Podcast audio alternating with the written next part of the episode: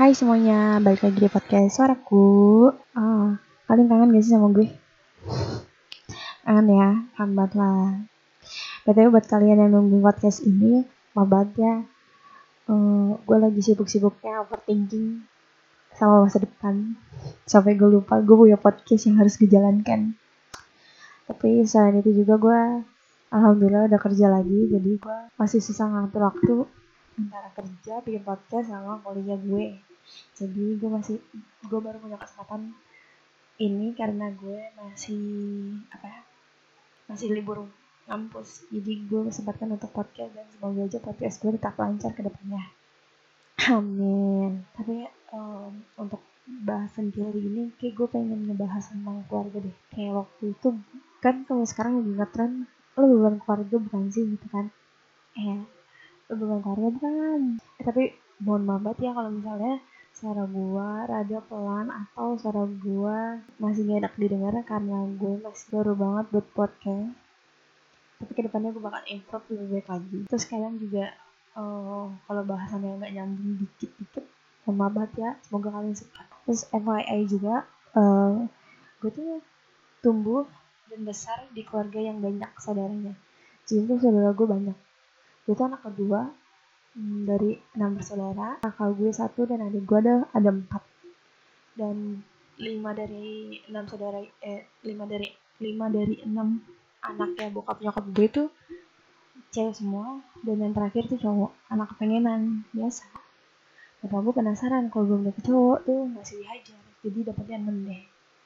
Dan kalian pasti kebayang dong gimana serunya dan absurdnya punya saudara banyak.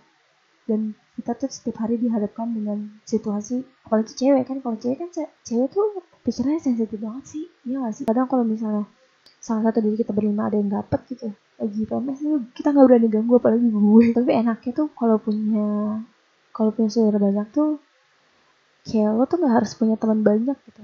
Gak harus punya hak lo boleh temenan tapi kayak nggak harus aja gitu lo punya teman banyak. Karena kayak apa apa tuh kayak sama adik sama saudara tuh bisa gitu. Kayak gue kadang mau mau nge-mall gitu bingung. Ayo ikut gas gitu.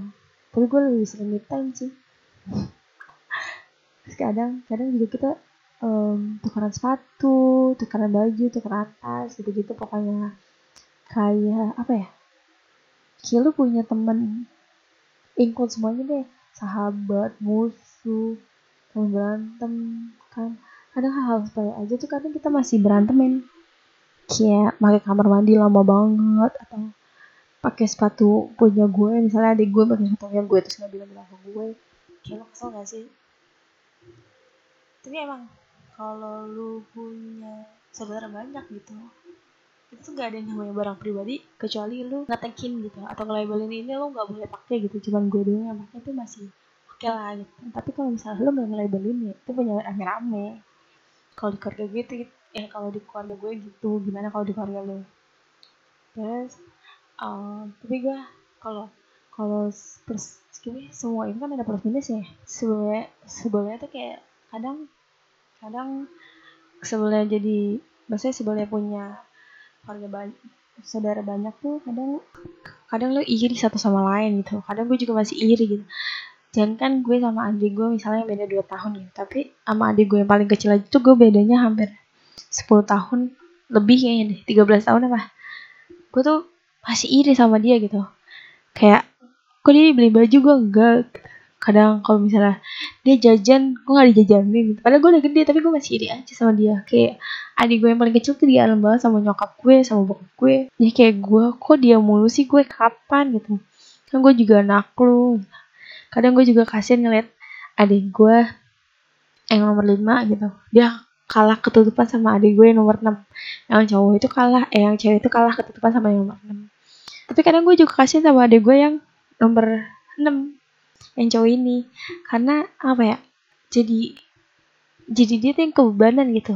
Kita selalu ngomong kayak tak bahasnya lu bontot gitu kayak apa apa tuh harus diambilin itu ada gue yang cowok sumpah. Disuruh ambil sendok buat makan sendiri aja tuh ngambek. Kayak gue gak habis pikir gitu. Gue nanti bisa ya gak ya ngedidik anak gue? Terus juga kalau misalnya itu kan masalah barang. Kadang gue jajan gitu. Kadang gue jajan dulu gue jajan terus mbak makanan gue dimakanin dihabisin nih. Kadang gue ngamuk kan. Tapi sekarang pas gue beli kok gak ada yang makan gitu terus adik gue pada ngomong ya lah aku takut kamu ngomel. Karena kalau gue bilang sampai gue bilang gini udah makan aja. Tapi itu gak ada yang nyentuh tuh makanan. Saking karena takutnya kali ya diomelin gue parah bener. Kadang um, kadang so, kadang teman gue yang tahu misalnya dia anak tunggal atau anak keluarganya banyak eh maksudnya um, cuma dua bersaudara atau tiga bersaudara tuh kadang bilang ke gue Ipir enak banget jadi lu. Kenapa? Mas saudara lu banyak bisa tukeran ini tukeran itu lucu ya gitu. Lah lu gak tahu aja kalau gue lagi berantem sama mereka mereka gimana. Gimana gitu kan. Iya tapi enak aja punya punya keluarga banyak punya saudara banyak tuh seru iya seru tapi ada yang nanya juga sama gue kok lu bisa sedekat itu sama adik-adik lu? Gitu. Sebenarnya sih gue gak ada deket banget sama adik-adik gue ya. Tapi kalau misalnya mereka kalau dulu gue mikirnya kayak jadi sih hidup lu hidup lu hidup gue hidup gue gitu. Terus setelah gue ngeliat kejadian beberapa kejadian kakak adik berantem lah atau apalah terus gue ngeliat contoh kayak influencer atau kayak ini gue paling demen sama Rizky Ademeka itu dia cara parentingnya bagus banget. Terus cara dia bersos maksudnya dia komunikasi sama adik-adiknya sama orang tuanya tuh itu menjadi panutan gue gitu. Terus kayak apa ya kayak sampai titik di mana gue harus peduli gitu sama adik-adik gue. Sampai kadang waktu itu gue nggak pernah nanyain kan mereka lagi apa mereka lagi makan apa enggak. Kadang sampai gue nanyain gue waktu itu pernah nanya kalian deh kalian udah bisa makan? Terus ada yang jerit doang ada yang lalu sahabat apa kak? Gitu kayak apa ya kayak aneh aja kan jadi lama-lama terus kayak gue tuh mikir gini loh. Um, gue ngambil contoh orang tua gue gitu. Orang tua gue dengan adik-adiknya tuh aja senggang gitu. Gue nggak mau nanti ketika gue dewasa ketika kita punya keluarga masing-masing kita jadi senggang gitu. Gue tuh nggak mau. Makanya gue mendekatkan diri gue ke adik-adik gue. Gue open gitu. Gue kadang gue cerita duluan gue cerita tentang masalah hidup gue mesti masalah kerjaan gue gitu yang bikin gue kadang yang bikin gue down gitu gue cerita terus mereka ngasih masukan gitu ke gue. Terus gue ngasih minta pendapat sama sama mereka gitu. Terus mereka juga timbal balik ke gue gitu. Kadang gue masih gitu kadang gue suka gitu. Gue gue mikir kalau nanti kita di kita udah pada nikah gue nggak mau uh, apa namanya hubungan ini tuh pecah gitu kan karena kita semua saudara gitu. Gue nggak mau hubungan saudara kita pecah gitu. Apalagi masalah riskan banget kan. Gitu. Ya makanya kalau gue kadang gue tuh pengen banget oh gue pengen banget punya abang. Terus pas gue tahu orang nih ada buat uh, teman gue teman kerjaan gue dia punya abang. Tapi dia nggak deket. Terus gue nanya kok lu gak bisa eh kok lu nggak deket sih sama abang lu? Kenapa bisa? Abis abang gue galak gitu terus uh, gue gue melihat dari sisi sebagai kakak mungkin karena saya nggak mau terlihat lemah di depan adiknya makanya dia jadi tegas. Dan nurun ke adiknya tuh jadi galak. Dan itu gue nggak mau kayak gitu. Kayak gue harus punya porsi di mana gue harus galak sama adik gue di mana gue harus friendly. Jadi kayak gue harus jadiin temen jadiin mereka teman gue gitu biar mereka tuh gak sungkan-sungkan cerita apa pun dari ke gue gitu. Itu sih yang bikin itu sih tips dari gue kalau lu mau deket sama adik lu atau kakak lu tuh lu berusaha jadi temennya dia gitu. Tapi kakak gue kalau gue kan deketnya sama adik gue yang di bawah gue itu yang beda dua tahun tuh gue kayak dia tuh sering sering cerita gitu sering curhat sama gue. Tapi kalau adik gue yang nomor yang di bawahnya lagi yang yang anak nomor 4 dia jarang cerita ke gue karena mungkin beda frekuensi atau umurnya terlalu jauh. Sama kakak gue juga. Kakak gue gak pernah cerita sama gue tapi gue berusaha untuk ngedeketin diri aja gitu. Karena kakak gue tuh orangnya di banget anjir. Kayak gue bingung gue mau ngedeketin kakak gue itu kayak gimana. Bingung banget gue sama adik gue yang adik gue masih SMP nih. Tapi ini kejadian lucu. Adik gue SMP terus sekarang kan lagi kalau dari rumah ya. Jadi dia tuh kayak nolep gitu kan. Kayak nolep jadi kayak udah gitu. Kerjanya cuma di rumah tidur gitu sampai kemarin bulan Oktober pas dia ulang tahun adik gue kakaknya dia nomor tiga tuh ngasih opsi mau kado apa mau les renang aja apa enggak gitu. Udah akhirnya di les renang. Tapi jelas renang kalau renang kan maksudnya individual kan karena kita ngelatih diri kita sendiri. Nggak ada perkembangan. Kayak gue tuh pengen dia punya teman gitu selain di sekolahnya gitu. Nggak ada perkembangan. Jadi akhirnya gue stopin renang gue masukin ke futsal awalnya orang tua gue nggak setuju gue masukin adik gue ke futsal. Tapi kayak ya udahlah coba aja dulu. Kalau emang hobi ditekunin juga bakal jadi sesuatu gitu. Kayak gue paksa aja dia. Nggak dipaksa sih gue nanya mau futsal apa panjat tebing? Tapi dia milihnya futsal. Ya udah gue biayain gue lesin futsalnya. Ya udah terus adik gue yang cowok iri akhirnya sama adik gue yang ini di lesin renang kayak itu tuh suatu goals yang ketika gue kecil tuh gue nggak dapet. Gue nggak bisa rest apa apa kayak gue nggak nggak bisa gitu. Kayak kayak ya udahlah mumpung gue belum punya anak kayak gue ngebahagiain sekitar gue dulu deh. Kadang kadang kita random aja gak ada apa-apa. Go food gitu. Eh go food apa? Kadang kita beli kopi gitu. Kalau lu sih kalau lu beli kopi lima ratus ribu sih gak lima ratus ribu anjir banyak banget. dua puluh ribu tiga puluh ribu gocap lah paling tinggi. Gue seratus lima puluh ribu anjir sekali nge foodin cuman minuman doang seratus lima puluh ribu. Gila gak? Gila dong kadang orang tuh iri gitu sama kita. Gue nggak tahu kenapa. Kita, kita uh, dari anaknya berenam yang udah kerja tuh alhamdulillah empat yang gede-gedenya tuh pada kerja semua kan. Terus kayak iri. Iya ih ibu bumul tuh enak ya kerja nah kita pada kerja tinggal ongkong kaki.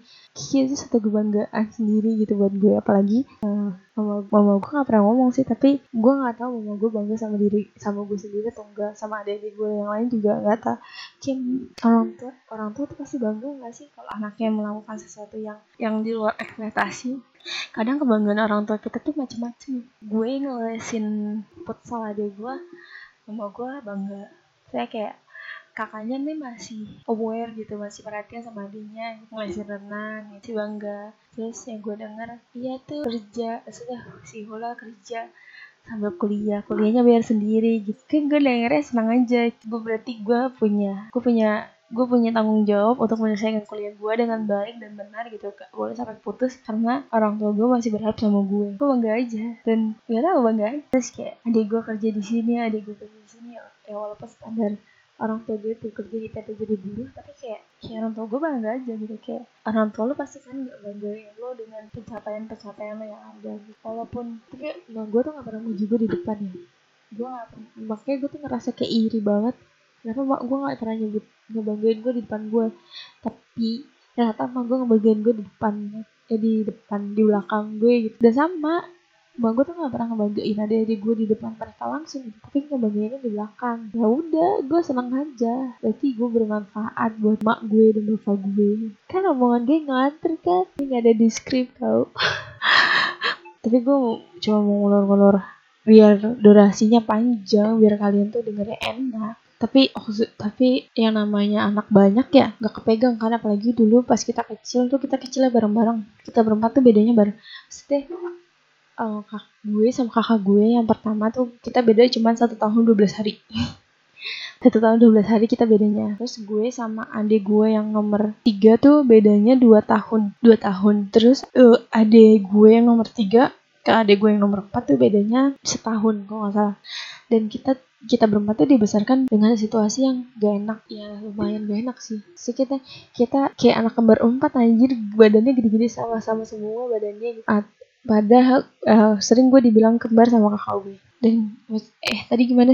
Tadi balik lagi. Ya gue, ya gue maksudnya kadang kan emak nggak, emak bawa ayah sama mama gue tuh nggak bisa ngasih perhatian yang ke gue 100% gitu kan. Makanya kadang gue iri sama orang-orang yang jadi anak tunggal, jadi perhatian perhatian perhatian orang tuanya gitu. Sampai gue pernah ngomong gini sama temen gue yang anak tunggal. Gue enak ya, malu sayang sama lu 100% gak dibagi-bagi lagi ke adik-adik lu. Lu punya tas banyak, dipakai sendiri, kagak rusak, kagak cepet rusak. Kok ngomong gitu sama temen gue yang anak tunggal, jahat gak sih buat gue? Tapi dia ngebalikin lagi. Gak lah, enakan tuh ce. Tapi orang tua lu tuh gak ngasih gak ngebagi-bagi cintanya. Maksudnya gak bagi-bagi sayangnya. Mereka tuh ngasih 100% ke lu 100% ke adek lu 100% ke kakak lu. Gitu. Gak dibagi-bagi lagi. Gue yakin gak bakal dibagi-bagi lagi sama mereka. Tapi kayak buat apa gue punya barang banyak punya tas banyak, punya sepatu banyak. Kalau gue gak bisa sharing sama saudara gue buat apa? Jadi bangke yang ada.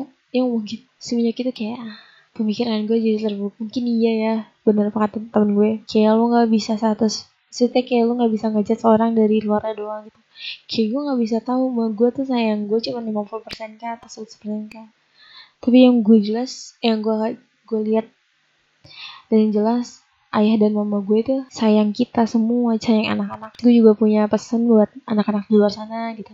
Yang ngerasa dirinya beban keluarga, gue juga sama kok. Gue masih ngerasa beban keluarga. Gue udah kerja sendiri gitu bisa ngasilin duit, tapi tuh gue masih tetap jadi beban keluarga.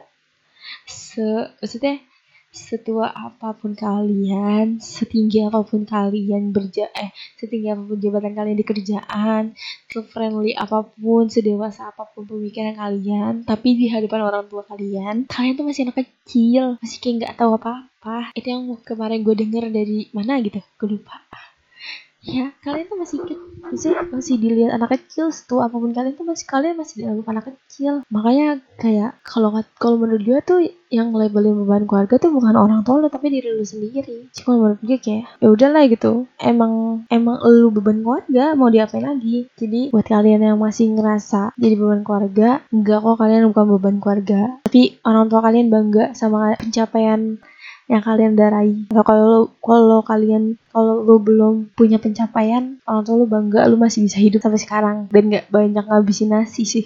Nggak lucu ya.